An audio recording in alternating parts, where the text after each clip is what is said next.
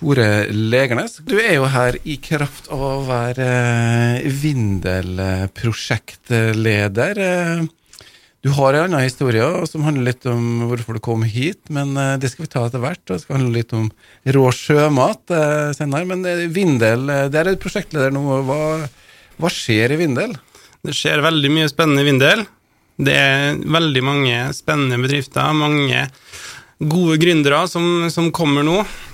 Og vi har veldig mye positivt å se frem til. Vi har lagt, oss, lagt bak oss et par år med en hel verden i brann her. Og nå er det mange kule ting som kommer, altså. 2022 blir, blir spennende. Det har jo vært mye hjemmekontor, eller mye kontorjobbing, eh, og nå vil folk ut igjen, eh, og ting skjer. Eh, Vindel har jo flytta ned i et litt sånt kraftsentrum i Kristiansund sentrum. Hvordan er det å jobbe ned på det som kalles for Campus F13, ikke det? Jo, stemmer det. Det er veldig fint å jobbe der. Det er mm, en samling av veldig mange dyktige mennesker som, som alle sammen vil det samme skape vekst på, på Nordmøre og i, i, byen vår. Og det å ha muligheten til å banke på dører og, og ta liksom den kaffekoppen rundt kantina og sånn, når, så lenge vi holder avstand, selvfølgelig, um, så er det det er veldig bra, og vi ser at det, det gir mer energi i ulike prosjekter å kunne ha en, en god personlig relasjon da, eh, mellom oss. Så det er veldig, veldig fint. Ja, Vindel er jo et sted hvor du kan komme med gode ideer, men også komme hvis du er litt etablert eh, bedrift. Eh, hva er ditt eh, område? Nei, Jeg går nok mest inn mot, mot gründerne. De som, som, sitter hjemme eller er i en bedrift og ser et behov som de ønsker å, gjøre noe med. Jeg er hoppidékontakt i Kristiansund. Eh, som er en eh, ordning fra fylkeskommunen og kommunen eh, der det er en sånn lavterskel inngangsport, for å kalle det det, til, til gründere. Det trenger ikke være innovasjonsbasert, det kan være at man ønsker å starte sin egen bedrift i en bransje som alle sammen kjenner til, men, men også hvis man har en helt unik og god idé, så kan man da komme til oss Eh, og få hjelp til å søke på midler, rådgivning, og vi kan bli en del av de ressursene som man ser at gründere trenger da, for, å, for å komme seg opp eh, og frem med prosjektet sitt. Det er litt sånn eh, inkubatormiljø i byen, kan man si det sånn? Det kan man si. Absolutt. Og Hva er det man planlegger Nå kan du selvfølgelig ikke fortelle alle forretningshemmelighetene til alle som jobber med nye ting her, men det er noen trender de ser? Vi ser jo f.eks. noe som ligger mitt eh, hjerte veldig nærme, at det skjer mye spennende innenfor uh, mat, matkultur, uh, utnyttelse av rester og stoff, både fra, fra landbruk, men også havbruk. Og det her med tang, ikke sant, og, og sånne ting. Og så er det en del kulturelle prosjekter som kommer. Eh, vi skal jo um, starte um, sammen med Norge. En klippfiskfest, en stor kulturfestival som skal gå av stabelen 8.-12. juni. Det blir jo veldig, veldig bra. Eh, bygge identitet rundt eh, det råstoffet som faktisk gjør at byen er som den er. Sånn. Et par hundre år etter at vi satte i gang med det. Så da prøver vi endelig en liten festival rundt Ja, det blir det. Det blir en veldig sånn breispektra kulturfestival der klippfisken skal være en rød tråd gjennom de forskjellige arrangementene. Vi skal samarbeide med de store kulturelle tilbyderne i byen. Eh, mange har sagt at de skal bli med. Eh, så blir det litt sånn bylarmaktige eh, arrangementer rundt omkring i byen denne uka. Eh, der klippfisken skal fremsnakkes, og stoltheten skal frem, og, og vi sånn skal prøve å få det til å bli kjempebra. Vi gleder oss veldig. Eh, men samtidig så skal det jo være for så mange som mulig òg. Vi må prøve å rekruttere litt uh, unge, litt barn og ungdommer, for å synes at klippfisk skal være kult, da. Jeg har spist bacalao i går, så um, det var lenge siden sist. Det var deilig i stormværet. Du sier biler, men også sier du klippfisk. Da tenker jeg jo på klippfiskgitaren til Frode. Kommer han? jeg har ikke fått tatt en prat med Frode ennå. Nei, men han har i hvert fall en uh, klippfiskgitar. Uh, mener og tror det er mulig jeg tar feil her, Men klippfisk, og du som ligger ditt hjerte nærmest, sier du, du er jo kokk. Stemmer bra. Og der har du fått jobba litt eh, rundt om i Norge. Du, kanskje det var liksom, du er født i Kristiansund? Født i Kristiansund. Min eh, mor er herifra. Eh, og min far fra Romsdalen, Vikebukt, han lurte med seg hun dit da jeg var fire år. Vokste opp der, og så var det kokkeskolen på Åndalsnes, og så var det en tur på Geilo. Gikk læra hos Frode Aga. Før jeg dro til Oslo. Videre til Dubai, jobba der i tre år. Var en liten runde i Canada, og så eh, tilbake igjen til, eh, til Trondheim, jobba på Credo. Før jeg da ble forelska og ble med min kone nå, da, eh, til Oslo og jobber på Slottet de siste ti årene. Credo hadde ikke de en Michelin-stjerne? Jo, de har det. Um, de hadde ikke det når jeg jobba der, men det tar seg likevel veldig bra ut på CV-en å ha vært der. da. Det høres bra ut. Slottet må jo ha vært interessant. Hva er kongen ville ha til, til lunsj eller middag, eller hva lager du? Jeg har ikke lov til å si så mye om akkurat hva det greiene der er, altså. men eh, det er et veldig fint sted å jobbe. Altså, Man kan se for seg at eh, Slottet er jo Slottet, for det første, så det er jo et kult sted å være, men det, er, det drar til seg veldig mange dyktige mennesker.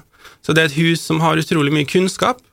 Eh, ikke bare om det kongelige og, og monarkiet og sånn, men om kunst og møbelsnekkerier og gartnerne, og det er veldig mye dyktige og hyggelige mennesker som jobber der. Så det eh, var en vanvittig bra opplevelse.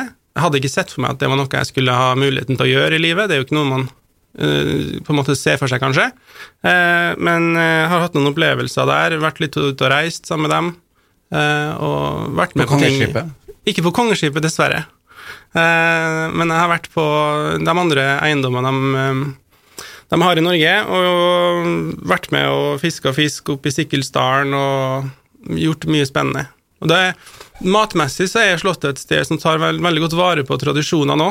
Så vi har jo laga spekemat og ost og brygge øl og sylte og salte og tar vare på ting. Og det er jo ikke så mange restauranter dessverre lenger. Eh, Det begynner å komme nå, heldigvis, men, eh, men eh, i utgangspunktet så er det ikke så mange som, som gjør ting så veldig fra bunnen av. Kommer inn med en hel elg, ikke sant, begynner å skjære ned det og lage pølser og sånne ting. Det er veldig faglig spennende. Helstekt elg på pinne? Ja, kanskje ikke. Tar litt tid, kanskje. Ja, Det er spennende slutt, selv om det er statshemmelighet hva kongen har på brødskiva si, eller um, om han spiste lapskaus eller Vi får gruble i evigheter om akkurat det. Vi må ha litt kommersielt budskap nå, så skal vi komme tilbake igjen. jeg Og Tore, nå skal vi høre litt om rå sjømat. I studio nå sammen med meg så har jeg Tore Legernes. Han har vært her en liten stund, og dere som kommer seint til, kan ha fått hørt litt om hans erfaringer som kokk. eh, Blant annet for eh, slott og andre sjeiker i eh, sydligere strøk. Nå eh, kom han, tok han seg en tur tilbake til Kristiansund, og, hva brakte deg egentlig tilbake til Kristiansund, eh, Tore? Jeg har sammen med kona mi starta et selskap som heter Rå sjømat. Det er et selskap som skal produsere og eksportere norsk botarga av skrei. Det er kort fortalt tørka skreirogn. Og det er litt sånn artig, fordi at når jeg forteller folk om det, så er det veldig veldig få som har hørt om det. Også i min egen bransje. Færreste kokkene jeg har vært borti, kjenner til det. Men det er, en, det er et produkt som i store deler av verden er eh, kommet av at det er den helt vanlige måten å konservere rogn på. I Norge så har vi tørrfisk vi har klippfisk, og, og sånn, men gjennom at vi har kalde vintre, så er vi også vant til frysing og, og sånn. Mens hvis du går til middelhavslandene og Asia, så har de jo ikke det. Så da må de eh, også tørke rogna. Det er veldig veldig sunt og viktig å ta vare på.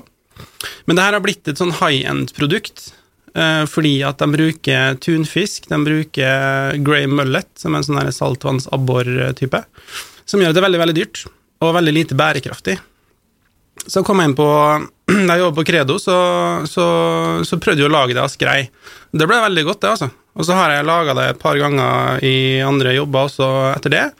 Så var jeg i Lofoten en tur, eh, og så på tørrfiskhistorien. Fikk en fin omvisning. Eh, så at det hang masse tørrfisk på gjeld, og så tenkte jeg at eh, vi må kunne henge opp noe rogn der òg. For det, det er et ganske pent stykke da på Skreien er det klar for å gyte seg rogn når han kommer hit. eh, Det er vel dem du tar? Ja, absolutt. Det er i sesongen eh, akkurat i, i, eh, i februar-mars der. Eh, så vi har et veldig lite vindu hvor vi kan hente inn råstoff. da. Men det fiskes jo en del skrei eh, i perioden. Det gjør det. Så utgangspunktet det er ikke noe problem å få tak i nei. Nei, så da er det Hva gjør du da med den eh, rogna når den kommer eh, deg i hende? Eller Nei. hva er tanken, i hvert fall? da? Nei, det vi gjør, er at vi, vi, eh, vi får den ned på Hurtigruta. Jeg og faderen eh, lånte oss en eh, gammel transporter og en skjellhenger og fylte den med et tonn med, med, med skreirogn og kjørte den ut på Averøya, hvor vi samarbeider med en klippfiskprodusent. Eh, og så legger vi den på salt og sukker og litt eh, krydder et par, et par, dager.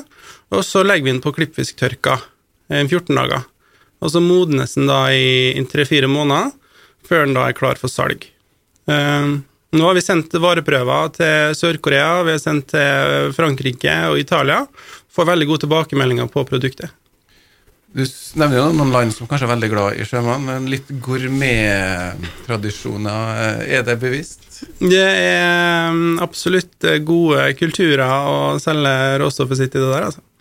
Ja, og hva kan man uh, servere det som, da? Det, det blir, en, blir det en liten klump, eller skal du si? Hvordan, ja. hvordan framstår det? Nei, det blir jo det, Vi tar jo hele rognsekken eh, som et stykke og, og, deler den opp, og så river du den som parmesanost. Hvis du tenker parmesan, ikke sant? en liten topping på forskjellige, forskjellige retter. Um, pasta, risotto, og, men også i supper og sånn, da. Um, så det er veldig allsidig. Tilfører, tilfører en sånn umami-smak. Altså Hvis man ser for seg soyasaus som en sånn hint av Asia, så vil eh, Botarga tilføre et hint av hav, da. Og forsterke, forsterke den følelsen av eh, å stå ute i eh, skjærene når kulingen kommer. Og passer jo sånn sett veldig godt med klippfisk. Og tørrfisk, selvfølgelig, men har laga noen retter med botarga og klippfisk, og det, det løfter, de spiller hverandre gode. da. Umami er jo da fagspråk her nå. Hvilke smaksansene er man appellerer til her? Det er søtt og salt. Søtt og bittert og surt. Eh, og umami er jo den siste, som er vanskelig å definere. Men eh, den som på en måte spiller ja, altså Min opplevelse av det er at det spiller like mye på følelser, omtrent. Altså, du, du snakker om, om, umami som en sånn sam, et samlende begrep for det perfekte, bruker jeg å si, da. Eh, som er jo det noe som andre sikkert er uenig i, men, men det tilfører en høyde. Komplementerende, liksom. Som en uh, spesielle smaken får når du har uh, vindaloo uh, indisk mat, og den er så sykt sterk at den er, først har den lamma alle smaksløkene dine, og så når det kommer den sterke greia, så får du en helt annen plass i munnen, eller Jeg vet ikke om det er uvanlig, men i hvert fall en, gir det en sånn annen perspektiv smaksmessig. Er det litt sånn ja, løfteting? Ja, det blir litt sånn. Det blir litt sånn. Så avansert blir det da å strø på eh, limaren eh, til å ostre? Eller Kan prøve det. Det finnes, eh, det finnes mange som syns at botarga er godt med kjøtt. Jeg har smakt flere tartarer, f.eks. Oksetartarer med, med botarga. Det passer bra, det, altså. Så vi kan prøve. Ok, det var produktet. Hva er veien? Du har jo egentlig eh, Dette er jo nesten skulle si et hobbyprosjekt, for det er jo fulltidsjobber på Vindel. Det er det som tar opp mesteparten av tida. Hva er prosjektet, eller hva er tidshorisonten for rå sjømat og botarga? Nei, vi, eh, vi, har jo holdt på med det her i eh, Starta i 2019. Fikk hjelp av, av Vindel da, og Innovasjon Norge. Dro til Milano, fikk gode tilbakemeldinger, hadde en avtale Eh, med en importør der. Eh, og dro dit eh, og presenterte produktet på nytt. Der var siste helga i januar 2020. og så gikk det jo 14 dager, og så sto jo hele verden i brann. og vi er jo litt der ennå. For det, det her er et high end-produkt som, som, går på restauranter og hoteller, som har lidd veldig. Ikke bare i Norge, som vi vet, men, men også over hele verden. Så vi må nesten bare vente og se Eh, på at det blir litt omsetning igjen. Før det her kommer. Men Motarga er jo bare den ene delen av prosjektet. Den andre delen av prosjektet er jo det at rå sjømat skal være en eksportmerkevare for bærekraftig sjømat fra Nordmøre. Så vi ønsker jo å samarbeide med andre eh, småskalaprodusenter for å lage en merkevare som alle sammen kan selge sine ting gjennom. Da når vi flere, flere kunder. Vi sparer mye penger, sparer mye ressurser. Eh, merkevarebygging og sånne ting koster jo mye penger, tar mye tid. Eh, og jeg med min bakgrunn kan jo ta den jobben. Jeg har jo gjort det ganske bra også med Råsjømat foreløpig, fått mye gode tilbakemeldinger på det. Eh, så det er jo en sånn eksp et eksportkollektiv, som min kone pleier å si, som er en veldig, veldig fin tanke. Vi kjenner jo igjen det fra kolonihagen på Rema 1000, Eh, prima jern fra Jæren og Røroskjøtt. Vi ønsker å gjøre det samme for bærekraftig fisk og sjømat fra Nordmøre. Og da er det kanskje greit å jobbe litt i Vindel og se hva som rører seg rundt omkring også, da. Det er også veldig bra å jobbe i Vindel, da. Eh, som jeg nevnte i sted, det er jo veldig mange dyktige mennesker som jobber der. Så jeg får jo også lært litt eh, som jeg kan bruke inn mot firmaet der, altså. Så da gjelder det vel egentlig for dem som har en, eh, en idé om et eller annet rått eh, vi kan bruke fra sjøen, eh, enten det er ja, det ene eller andre, så kan man eh, slå seg litt sammen og gjøre hverandre gode, da, egentlig det er snakk om. Det er det som er tanken.